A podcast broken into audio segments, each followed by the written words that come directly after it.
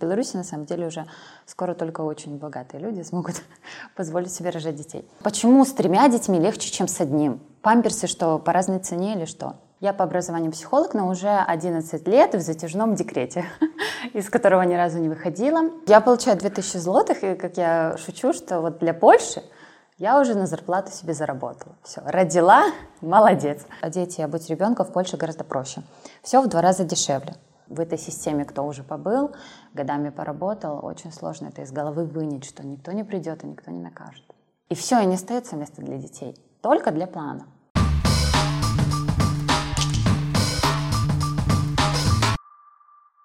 Прывітанне гэта падкаст хто там ідзе гэта Настя Настя привет привет Настя з вялікай сям'ёй пераехала з Беларусі ў Польшу і я хочу яе распытаць пра тое наколькі гэта было складана і як вы тут все абсталяваліся Таму что ну ты ведаеш есть такая штука что все кажуць что калі ты один ты можешь переезжать куды хочешь по ўсім свеце ну что ты ну как бы взял коробку з-под этого телевизора где-нибудь там на улице поставил и сидишь а калі уже дети есть то это складана Вось. ну расскажи спачатку трошки про себе про свою семью ну э, мы семья многодетная из минска жили мы на каменной горке у нас четверо детей а, муж у меня программист, айтишник. Я по образованию психолог, но уже 11 лет в затяжном декрете, из которого ни разу не выходила. Последний год я работала кондитером дома, э, делала торты. Это был такой э, заработок дополнительный. Вот. И э, когда я была беременна четвертым ребенком, на седьмом месяце, мне муж предложил переехать. Ну, это какая-то релокация была? А, нет, не релокация, просто с работы mm-hmm. начали активно переезжать, и он тоже ну, посмотрел, что люди переезжают, им нравится, много возможностей, и предложил мне такую идею. Я как бы на седьмом месяце подумала, что это прекрасная идея. Таких мне впечатлений только и не хватало. Вот. И мы договорились, что мы вернемся к этому разговору через год, когда уже родится ребенок, немножко подрастет. Я за это время подумаю, стоит ли вообще. Вот, и мы весь этот год а, смотрели плюсы и минусы, смотрели на переезжих, а, которые уже переехали, какие трудности, какие возможности. Вот, и потихонечку подходили к этой мысли, что все-таки да, мы переезжаем. Но окончательно нас уговорила война. После этого, ну, когда уже угроза безопасности, решили, что стоит, стоит.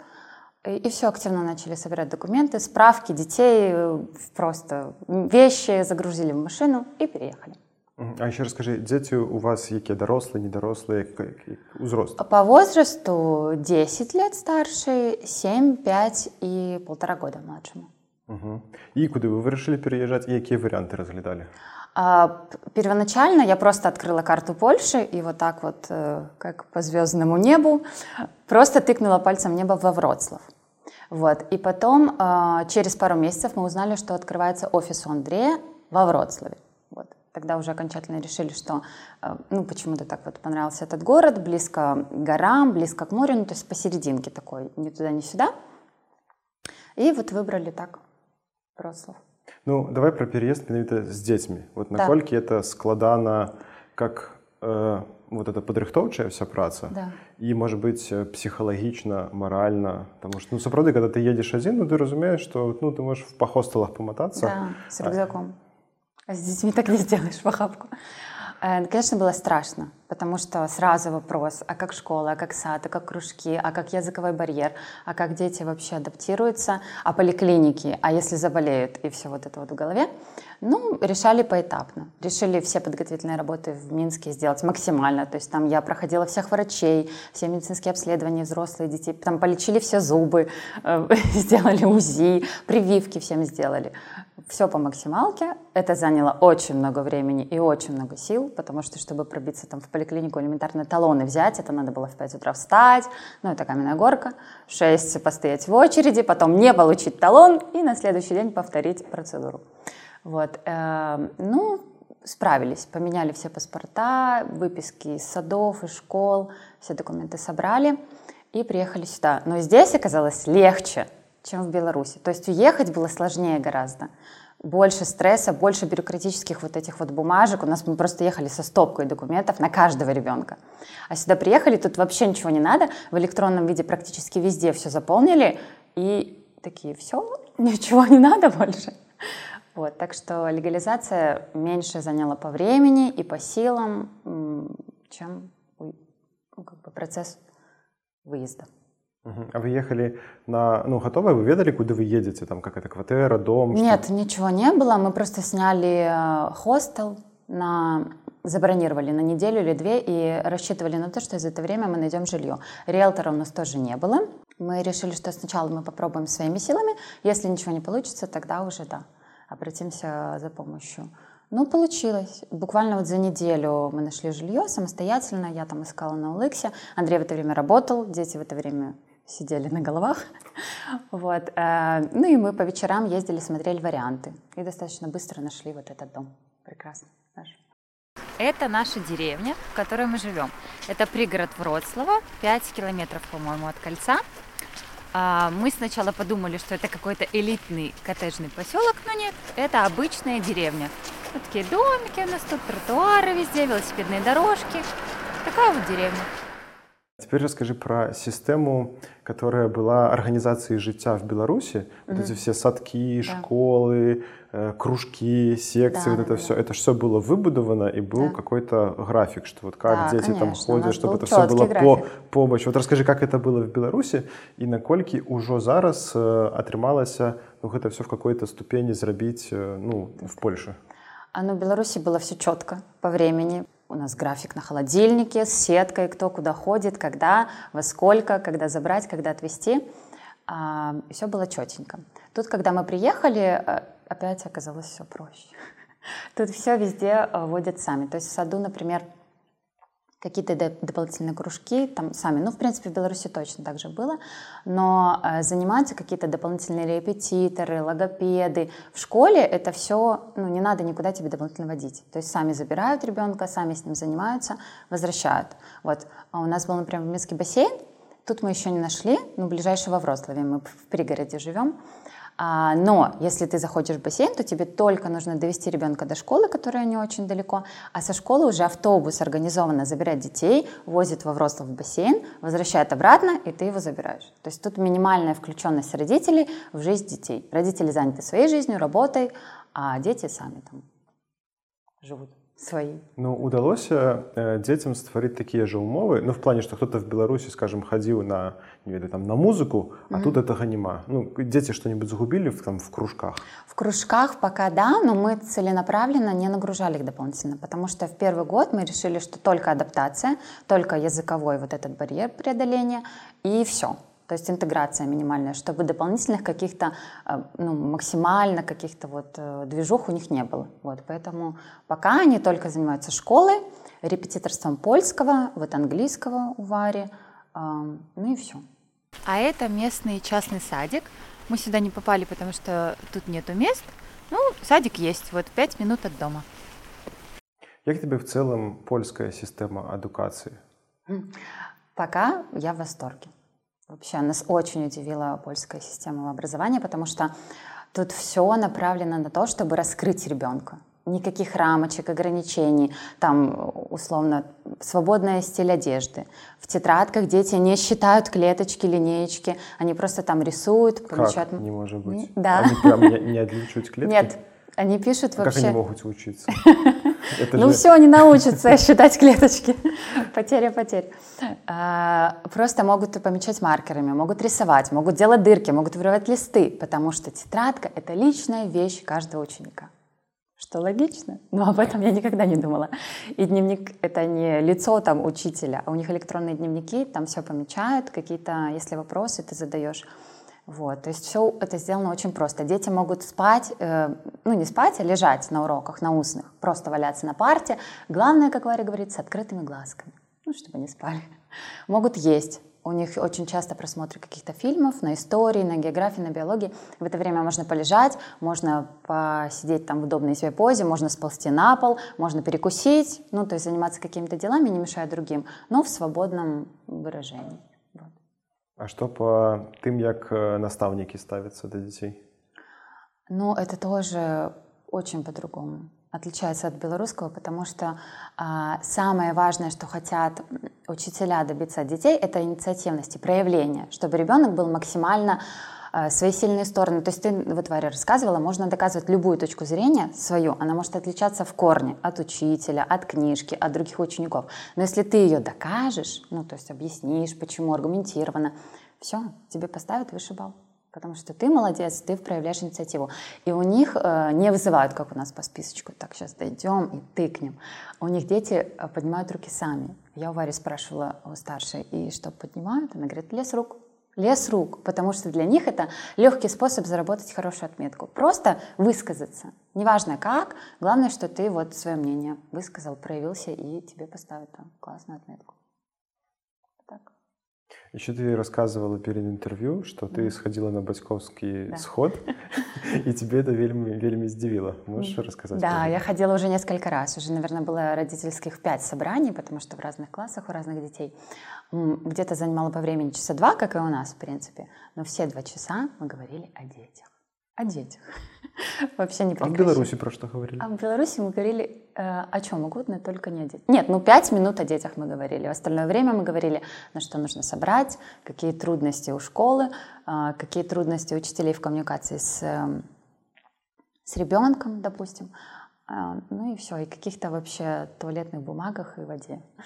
А тут о детях про что? О детях? О детях вот полностью, как помочь ребенку, вот очень там огромный был кусок, как помочь детям адаптироваться новеньким, как помочь интегрироваться, школьные поездки, как дополнительное какое-то развитие ребенка, чтобы за это время, это очень важное время, дети должны общаться, коммуницировать, и вот у них должна быть такая группа.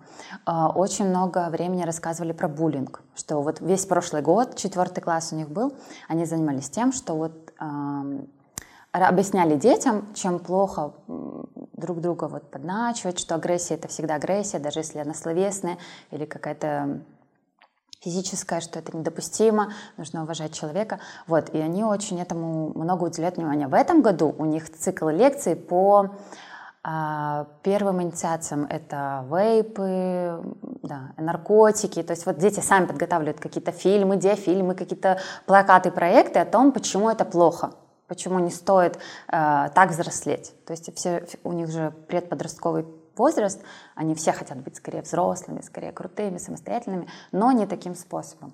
Вот, то есть у них вот на это направлено. Какие-то общечеловеческие ценности, правила безопасности. Даже есть вот у них урок отдельный по э, семейной жизни или вот, ну, что-то такое, вот жизни... Просто как жить. Про житье. Да, про жить. Как выжить. Да, как выжить в этом мире. Вот, так что ну, у нас такого, конечно, нет. Угу. А про дитячий садок? Про садок еще конкретно не могу сказать, потому что Саша там была одну неделю буквально. Угу. Вот. А, ну интересная история, как мы искали сад. В нашей деревне, это пригород Вроцлава, маленькая деревушка, есть э, два частных сада, один государственный, школа, там куча магазинов, все есть инфраструктура, но очень много молодежи, очень много детей, и поэтому мест нету нигде, ни в частных садах, ни в государственных. Вот, мы э, как бы поначалу Сашу не хотели сильно так прям уже в сад срочно, а поэтому решили немножко дать ей адаптироваться дома, а когда уже стал вопрос с садом, пошли в местную администрацию и спросили, ну что делать, раз у нас нету, что делать? Они нам говорят, ну хорошо, раз вы хотите, вот пишите заявление, мы вам перезвоним. Но что значит для белорусика перезвоним? Это значит до свидания, всего хорошего, ищите сами. А, через три дня они перезванивают и говорят, мы вам нашли в соседней деревне, пожалуйста, если вас устроит, вы поедете, посмотрите, познакомьтесь с директором, посмотрите сам сад. Сад, конечно, просто какой-то коттедж с лифтом, там, со всеми устройствами. Вот. Если нет, мы вам подберем другой. Мы, конечно, немножечко опешили. Вот, поехали, посмотрели сад, сад классный. Ее оформили, и э, она там немножко походила и заболела, как все дети в адаптационный период. Вот. Но пока вообще все классно. Тоже у них какие-то там выставки, какие-то дополнительные занятия, какие-то поездки, концерты. Ну вот новогодняя вот эта вся была суета. За гэты час ты, может быть, заўважыла какие-то минусы в польской системе адукации ну, и, и дошкольной вот? А, в дошкольной мы еще мало угу. побыли, поэтому не могу сказать. В школьной вообще я пытаюсь найти, пока не смогла. Потому что вот даже у Сони был очень классный мастер-класс. Вывозили э, с какой-то местной художницей в парк, дети рисовали на холстах. Ну, то есть это в Минске э, родители тоже организуют, но это нужно все делать самостоятельно. Найти художницу, найти мастер-класс, завести, отвести, привести. А тут это все делает школа. То есть за тебя полностью развивать со всех сторон твоего ребенка. Вот Соня сходила, нарисовала картину, с этой картиной пришла домой, счастливая, довольная, все. Мы только заплатили за то, что она там сходила. И это, кстати, у них все дополнительные уроки а, входят в школьные часы. То есть не так, что у нас было дети отучились и потом поехали в поездку. В Минске так было. Нет. Тут уроки идут, дети занимаются какими-то дополнительными занятиями. Даже вот в Варшаву поедут в Варе в пятом классе на три дня. И три дня это будут школьных три дня. Но в это время дети будут лазить по музеям, театрам, там, гулять по Варшаве. А вот ты сказала, что вы заплатили за додатковые затятки. Да. Расскажи в принципе за плату, потому что ну, в белорусских там садках и школах у нас бесплатная эдукация, угу. но при этом заўсёды ты несешь в батькоўскі комитет какие-то гроши, да. там починаючи там от каких-то глобальных штук, типа в окна в классе поменять, угу. и заканчиваючи там всякими доместосами, да, туалетной да, да, паперой, водой, водой, там вот это всем. Як э, в Польше, за что вы уже платили, а что бесплатно? А, платили мы каждый раз конкретно за ребенка, за поездку. Если он куда-то едет в какую-то там мастерскую делать елочную игрушку, значит, мы платим за автобус и за этот мастер-класс. Если он вот идет в парк рисовать, значит, мы платим холст, там материалы и за сам мастер-класс. Никаких дополнительных пока не встречалось. Вообще ни на что не собирали. Ну, там на потребы школы? Нет, там, вообще ни разу. Не было пока? Нет. Угу. Если сладкий стол, значит, каждый родитель приносит что-то сладенькое. Подарки на Новый год — это носочки, но мы конкретно складываем, ну, несем деньги на вот эти вот носочки, которые детям потом подарят. Все. А вот эти вот все додатковые, там, и поездка в Варшаву, этот мастер-класс по маляванні, да. э, насколько это дорого? И ты можешь, э, ну, детенок отмовиться, там, не поездить, это Конечно, не по... да, можно не поехать, не участвовать, э, я, кстати, вот не знаю, что делать с этими детьми, которые, допустим, не пошли на мастер-класс. Наверное, в школе у них в продленке они. А, но можно отказаться, естественно. Это недорого. Если какие-то глобальные поездки в Варшаву, конечно, это ну, достаточно дорого, потому что это три дня нужно снять отель, да, ну, то есть этим тоже занимается учитель, оплатить дорогу, это тоже недешево, и питание организовать, плюс поездки вот эти все в музей, то есть это было бы то же самое, если бы я повезла ребенка и заплатила за, ну, как бы за своего ребенка сама. Вот. Но учитывая, что это три дня, это как бы такая достаточно, ну, ну не внушительная, ну, какая-то основательная сумма. А какие-то мелкие мастер-классы очень дешево. Да, совсем. Что 35 злотых мы платили.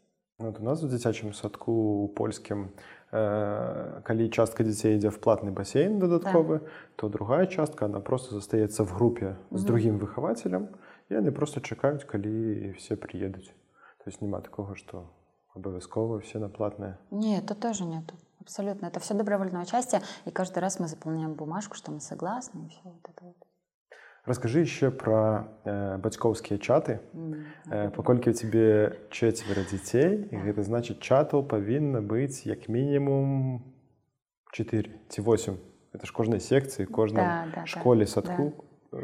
ну в Минске у меня было 12 чатов ага. хотя один ребенок у меня был школьный и два садовских а чатов 12 потому что это дополнительные репетиторы логопеды кружки рисование бассейна чат а, ну и родитель, ну как бы чат с воспитателями, чат с родителями, чат с учителем, чат без учителя, вот эти все. Тут у меня пока что только два, а, потому что Соня в первом классе тоже есть чат с родителями и чат с учителем. В Вайбере? В Вайбере, угу. да. В WhatsApp, в WhatsApp у них. А у Вари ничего. Коммуникация вся строится между учителем и ребенком, потому что пятый класс, они самостоятельные. Если какие-то есть вопросы, в электронном дневнике. Все учителя могут написать родителям, там, ну, что-то, какие-то вопросы выяснить. И родители точно так же могут написать учителю. Вот. И, а в остальном все вот эти поездки, все Варя самостоятельно при, приносит в голове и рассказывает, да, что нужно, что не нужно.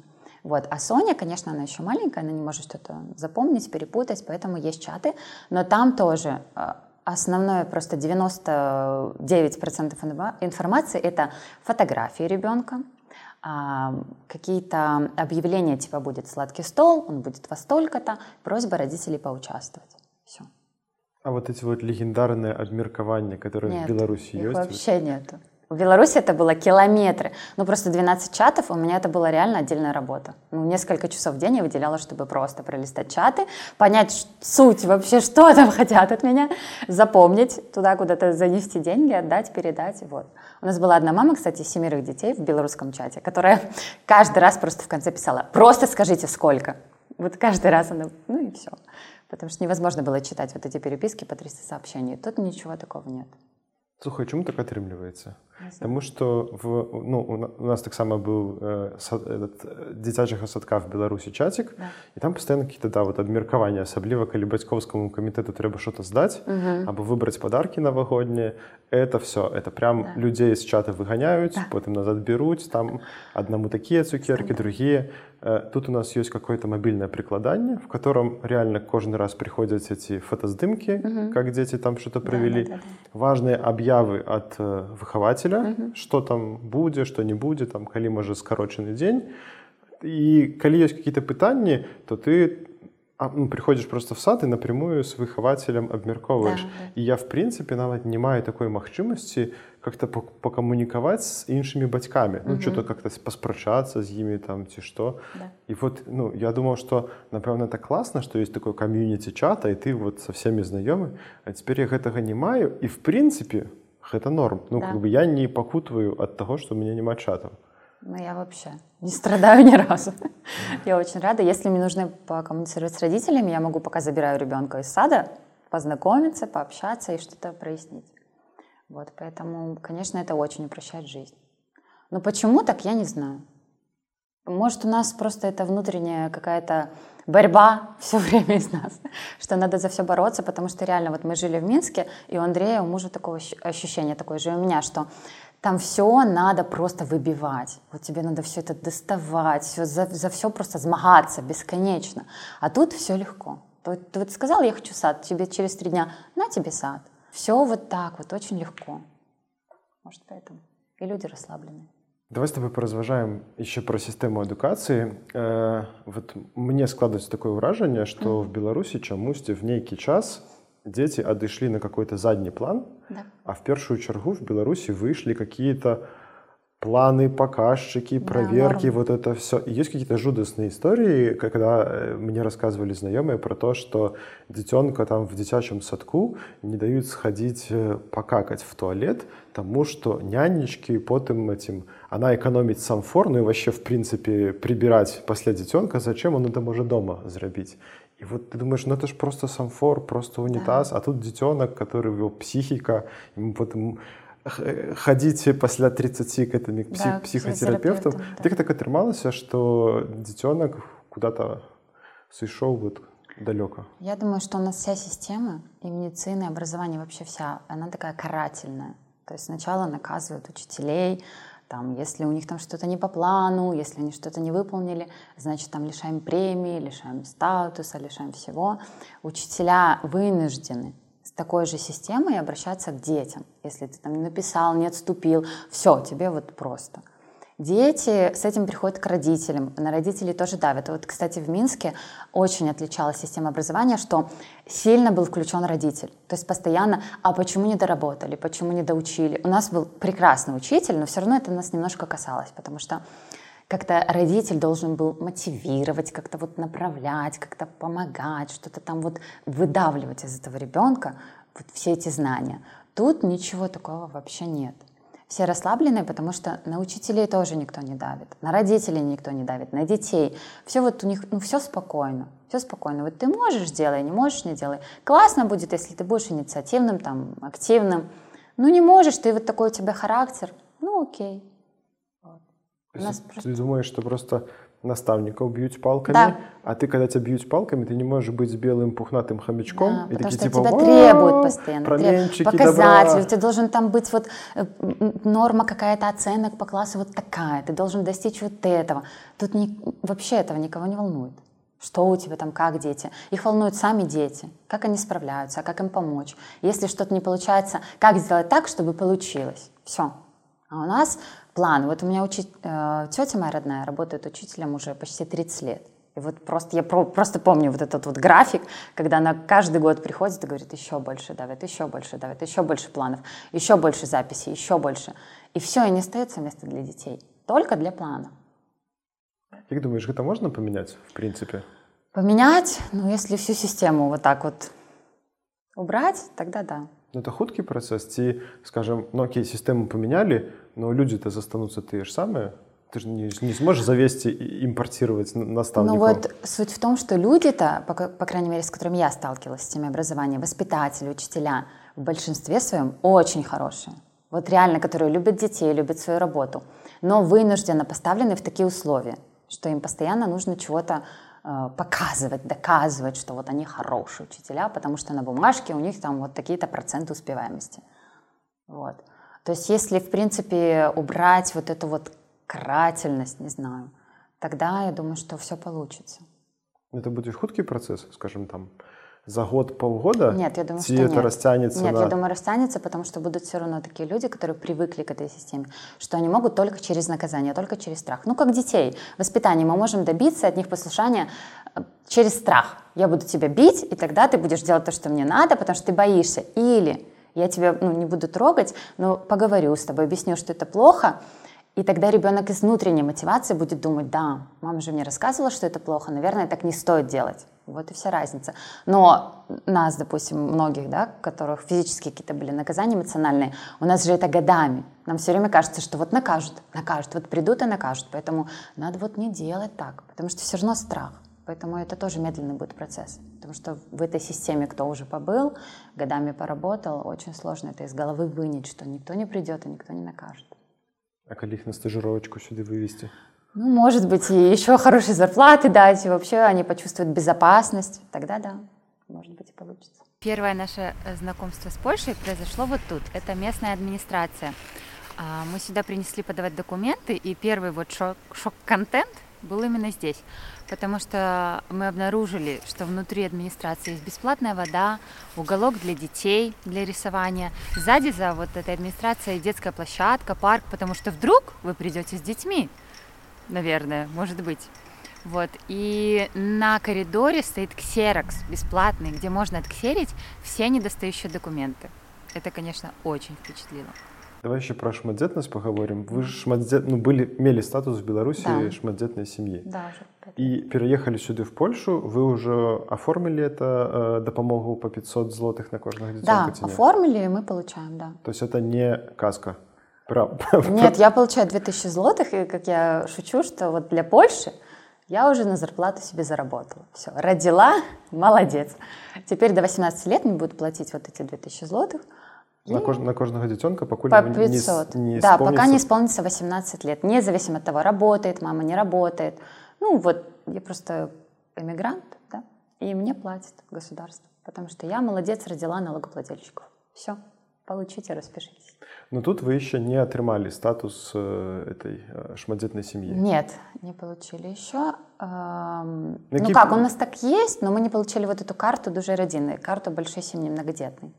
Вот. Она дает скидки в супермаркетах, в ресторанах, в кафе от 10 до 50 процентов на билеты, на проезд. Ну, то есть очень хорошая такая вещь. А что давал статус шматдетной семьи в Беларуси? Вот какие, потому что у нас заўсёды ж рассказывается, что конечно. шматдетная семья, она прям в, шака, в шоколаде, ну, с усіх бакоў падтрымка. Да. Вот, э, якія у вас были магчымасці і, і чым з гэтага вы реально карысталіся? Ну, во-первых, когда мы уезжали, все плакали по нашей социальной квартире, которую мы не видели, не так, получили. Почекай, по, по, по квартиру давай позднее, давай без квартиры пока. Вот просто на уровне вот как э, пособия, а... какие-то знижки там, вот угу. какие-то додатковые, может быть, подарунки ну, на чем мы год. реально угу. в Беларуси? Это скидка на питание в саду, 50% для многодетных и бесплатное питание в школе. А, три года назад был бесплатный вход в ботанический сад. Вот мы пару раз сходили. Теперь уже нет, уже платный. Угу. А, скидки небольшие на аттракционы в парках, на карусели, там ну, чуть-чуть меньше стоимость. И все. Как бы вот. А там куда-нибудь без чарги пройти, как ветераны нет, там в поликлиниках? Нет, там... нет, нет. Ну, во-первых, каменная горка вся многодетная, а во-вторых, ну, ну нет. Мы таким не пользовались. Льготные путевки в санатории? Нет, нет, нет. Их никогда нету. То есть они как бы э, есть, но их нету. Даже вот у нас в Варе колес мы пытались попасть в санаторий для детей с заболеванием опорно-двигательного аппарата, тоже не смогли, потому что тоже нет места. Но есть еще вот это материальный капитал, Материнский, да. Да, мати- угу. да который, материнский, которые выдают на одного ребенка. Ну, то есть вот на, на Сашу мы когда-то оформили на третьего ребенка, а, но он оформляется в белорусских рублях на момент рождения ребенка. Ну, или подачи заявления, я не помню. Но суть в том, что когда вот мы уезжали, Саше уже было 5 лет, в пересчет на доллары там уже оставалось что-то меньше 7 тысяч долларов. А спочатку было? 10. 10. 10 тысяч, да. Но из-за инфляции и из-за того, что растет курс, постепенно эта сумма увеличится. То есть мы так прикинули, что к 18 годам, когда можно будет эту сумму брать, как раз останется ноль, ну или минус. И все. Можно будет воспользоваться ничем. А вот теперь давай про квартиру. А. Кольки льготных квартир вы себе побудовали? Ой, хотелось, конечно, много. Построили ни одной. А, ну, там нюанс. Есть нюанс. А, значит, с 2010 года очень так активно выдавали эти квартиры. И э, ну, по телевизору уже показывали, там все, ключи вручают. И мы тоже, ну, так как рождались дети, у нас была своя квартира, мы построили, но все равно, ну, раз государство предоставляет такую возможность, почему нет? Детям оставить или себе расшириться. Вот. А, и где-то мы стояли в очереди, сначала как молодая семья, потом с одним, двумя, тремя детьми, стали многодетными, получили статус, и уже нас поставили в очередь на эту льготную квартиру. Мы простояли где-то года три с половиной или даже четыре, прежде чем очередь подошла. Вот уже родился Тихон, четвертый ребенок к этому моменту. Вот, нам начали предлагать варианты. Сначала это был какой-то, ну, не знаю, пригород, ну не пригород, Сокол, там какие-то ближайшие города. А нас это не очень устраивало, потому что это далеко от Минска, у нас вся жизнь была в Минске. Вот, потом начали предлагать уже Минск. А, и уже практически мы согласились. Андрей поехал, почитал там документы, что вроде все хорошо, трехкомнатная квартира в Лошице, и почти уже поставил свою подпись, как ему а, застройщик говорит. То есть у вас есть 60, там 55 тысяч долларов наличными? Он, говорит, как, какие 55 тысяч, это же ну, льготная квартира. Он говорит, так да, но государство-то субсидирует не всю стоимость, а только определенные квадраты по определенной цене. То есть это получалось эм, ну, где-то 40% стоимости квартиры оплачивает государство, а остальное ты из своего кармана. Вот, то есть нам предложили, получается, такую бесплатную квартиру, но за 55 тысяч. Ну, как бы, мы, конечно, отказались. Потом еще нам предлагали варианты еще дороже, там 60 тысяч доплачивать своих, 70. Ну и в итоге вот. Ну, на эти 60-70 тысяч нельзя было взять этот льготный кредит? Нет, так это, это все. То есть ты вот ту сумму, которая остальная, то есть если квартира, допустим, 120 угу. стоит, да, ты там 70 сам, 50, тебе дает государство льготный кредит. А, то есть оно то не, есть, да, не дарит? Да, это? не дарит, ты ага. еще потом отдашь. А целиком всю сумму оформить на льготный кредит? Нельзя. Нельзя. Нет. Нельзя. И там еще какая-то штука есть по доходу да, семьи. Да, плюс это не всем еще дадут. То есть если у тебя доход превышает а, минимальный прожиточный бюджет, по-моему, на члена одного семьи, тогда тебе не дают. Плюс в это входит машина, стоимость машины, если она дороже 10 тысяч белорусских рублей. Это тоже входит в доход. Э, входит там пособия все, которые дает тебе государство. То есть вот эти, которые я получала на ребенка, а, пособия, которые выдавали к школе, там 75 рублей ежегодно давали. Кстати, вот еще одно, чем мы пользовались, это на, ну, как сказать, собрать ребенка в школу, да. Ну, это, конечно, можно было констовары купить и все, но все равно тоже входит в доход. То есть все входит в доход, и ты потом еще должен доплатить. То есть ты должен быть малообеспеченным, чтобы тебе выделили этот кредит, но одновременно у тебя должно быть, э, не знаю, бабушкин капитал, там 60 тысяч долларов, которые у тебя есть наличными, вот единовременно выплатить э, остаток этот на квартиру. Такое противоречие, которое не дает возможности не малоимущим получить эту квартиру, не более таким обеспеченным среднему классу. Вот. Это с 2017 года такое нововведение, которое, ну все. Ну, либо скрывать доход. Так тоже делают, и это очень странно, потому что тебя государство вынуждает скрывать твой доход. Ты же с этого налоги платишь, то есть ты как бы помогаешь государству, оно тебе говорит, нет, нет, нет, не надо лучше вот Тому, калі я правильно зразумеў, то калі ты шматдзетная сям'я да. і у вас добры доход, да. то вы э, не можете атрымаць вот эту частку льготного Да, кредита, а просто взять адразу всю кватэру целиком заплатить. Да, Ага. А калі вы э, шматдзетная сям'я і у вас няма грошай ну мало, Да, мало мало зарабляеце то вот эту частку на льготный кредит вы можете покрыть Да, вам вам дадут да, держава да. но при этом вот этот кавалок э, в 60 там 50 тысяч вы Да. повинны недзе откуда взять из воздуха. ма- материализовать Да, да, Мгм. и при этом вы квартиру не выбираете где она Нет, вы не находится а выбираете. вам вот вот Вот дают. Нам предлагали вот в Лошице, где-то прям под кольцом, где нету ни садов, ни школ, ни магазинов, ну, пока никакой инфраструктуры. Да. Что не так, в принципе, с льготами для шматдетных семей в Беларуси? И эту систему вот можно как-то поменять? Вот что тебе, как шматдетную мати, могло бы как-то, ну не то что мотивовать нараджать детей, да, потому что хуже за все это какой-то выбор человека, который просто хочет детей, Да. э, потому что нарожать там за квартиру это, ну как бы, не, ну так себе история. Э, Может, чым дапамагчы вот ёсць ну, как, какую сістэму можа стварыць дзяржава чтобы этим шматдзетным дапамагчы максімальна ну просто жыць Ну, с системой не так все. Ну, вот я уже рассказала, что это вообще противоречащая какая-то система, когда ты вообще ничего не получишь. Ну и хорошо, тогда скажите, ну, ну рассчитывайте на себя. И будут рожать те, кто может себе это позволить. Потому что в Беларуси на самом деле уже скоро только очень богатые люди смогут позволить себе рожать детей. Вот. Я бы вообще убрала это. Убрала, поч- почему с тремя детьми легче, чем с одним? Памперсы что, по разной цене или что? Ну, или одежда. Или с двумя э, легче там. Ну, для меня это вообще нет никакой логики. Я бы сделала систему помощи вообще такую ранжированную. Ну, допустим, там, если касается жилья, для, ну, для Минска особенно это актуально, самый трудный вопрос – это жилищный вопрос. Сделала бы, допустим, там 10% погашения кредита, если у тебя один ребенок, 20, если два, 30, то есть какая-то ранжированная, такая вот стандартизированная помощь всем с детьми, а не только вот три и более. Почему? Непонятно. Ну, для меня странно. ты вот зараз только что сказала что э, хутка толькі самыя багатыя змогуць э, нараджаць много дзяцей давай можа быть э, под конец ты расскажешь в целом э, колькі каштуе прокормить там апрануть и как-то позабавлять детей в беларуси і колькі это каштуе вот то что вы уже убачылі в польше ёсць э, выдаткі нашмат адрозніваюцца можа прапорцыя В Беларуси мы тратили ам, на кружки, на питание в детском саду и в школе, ну, в школе бесплатное, ам, на репетиторов, логопедов где-то в месяц около 400 долларов. Это только вот об- образование, грубо говоря, да.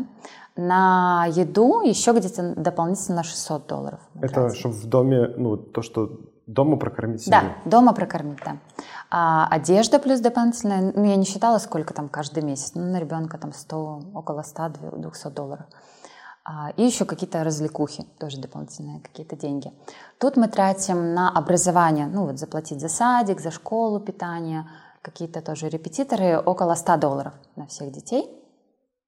На еду около 400 уходит, но при этом мы э, очень ну, сильно лучше питаемся, потому что мы тут покупаем свежую морскую рыбу, какие-то креветки, очень много свежих овощей. Вот до сих пор покупаем малину, чего в Минске, конечно, мы себе позволить не могли. Там мы обычную ели еду совершенно, ничего такого деликатесного вообще никогда не покупали. Вот. И э, поездки примерно стоят одинаково, какие-то развлекухи. Но в целом, получается, и одежда стоит гораздо дешевле. Одежда, обувь, одеть и обуть ребенка в Польше гораздо проще. Все в два раза дешевле. Вот, то есть, в принципе, по, если суммировать, то точно в два раза меньше мы тратим на детей. А В Минске, кстати, было вот последний год, мы поняли уже конкретно, что надо переезжать. До этого мы ездили до коронавируса, карантина на закупы в Польшу, вот, чтобы одеть детей, потому что в Польше действительно дешевле. Мы ездили, закупались и привозили это все в Минск.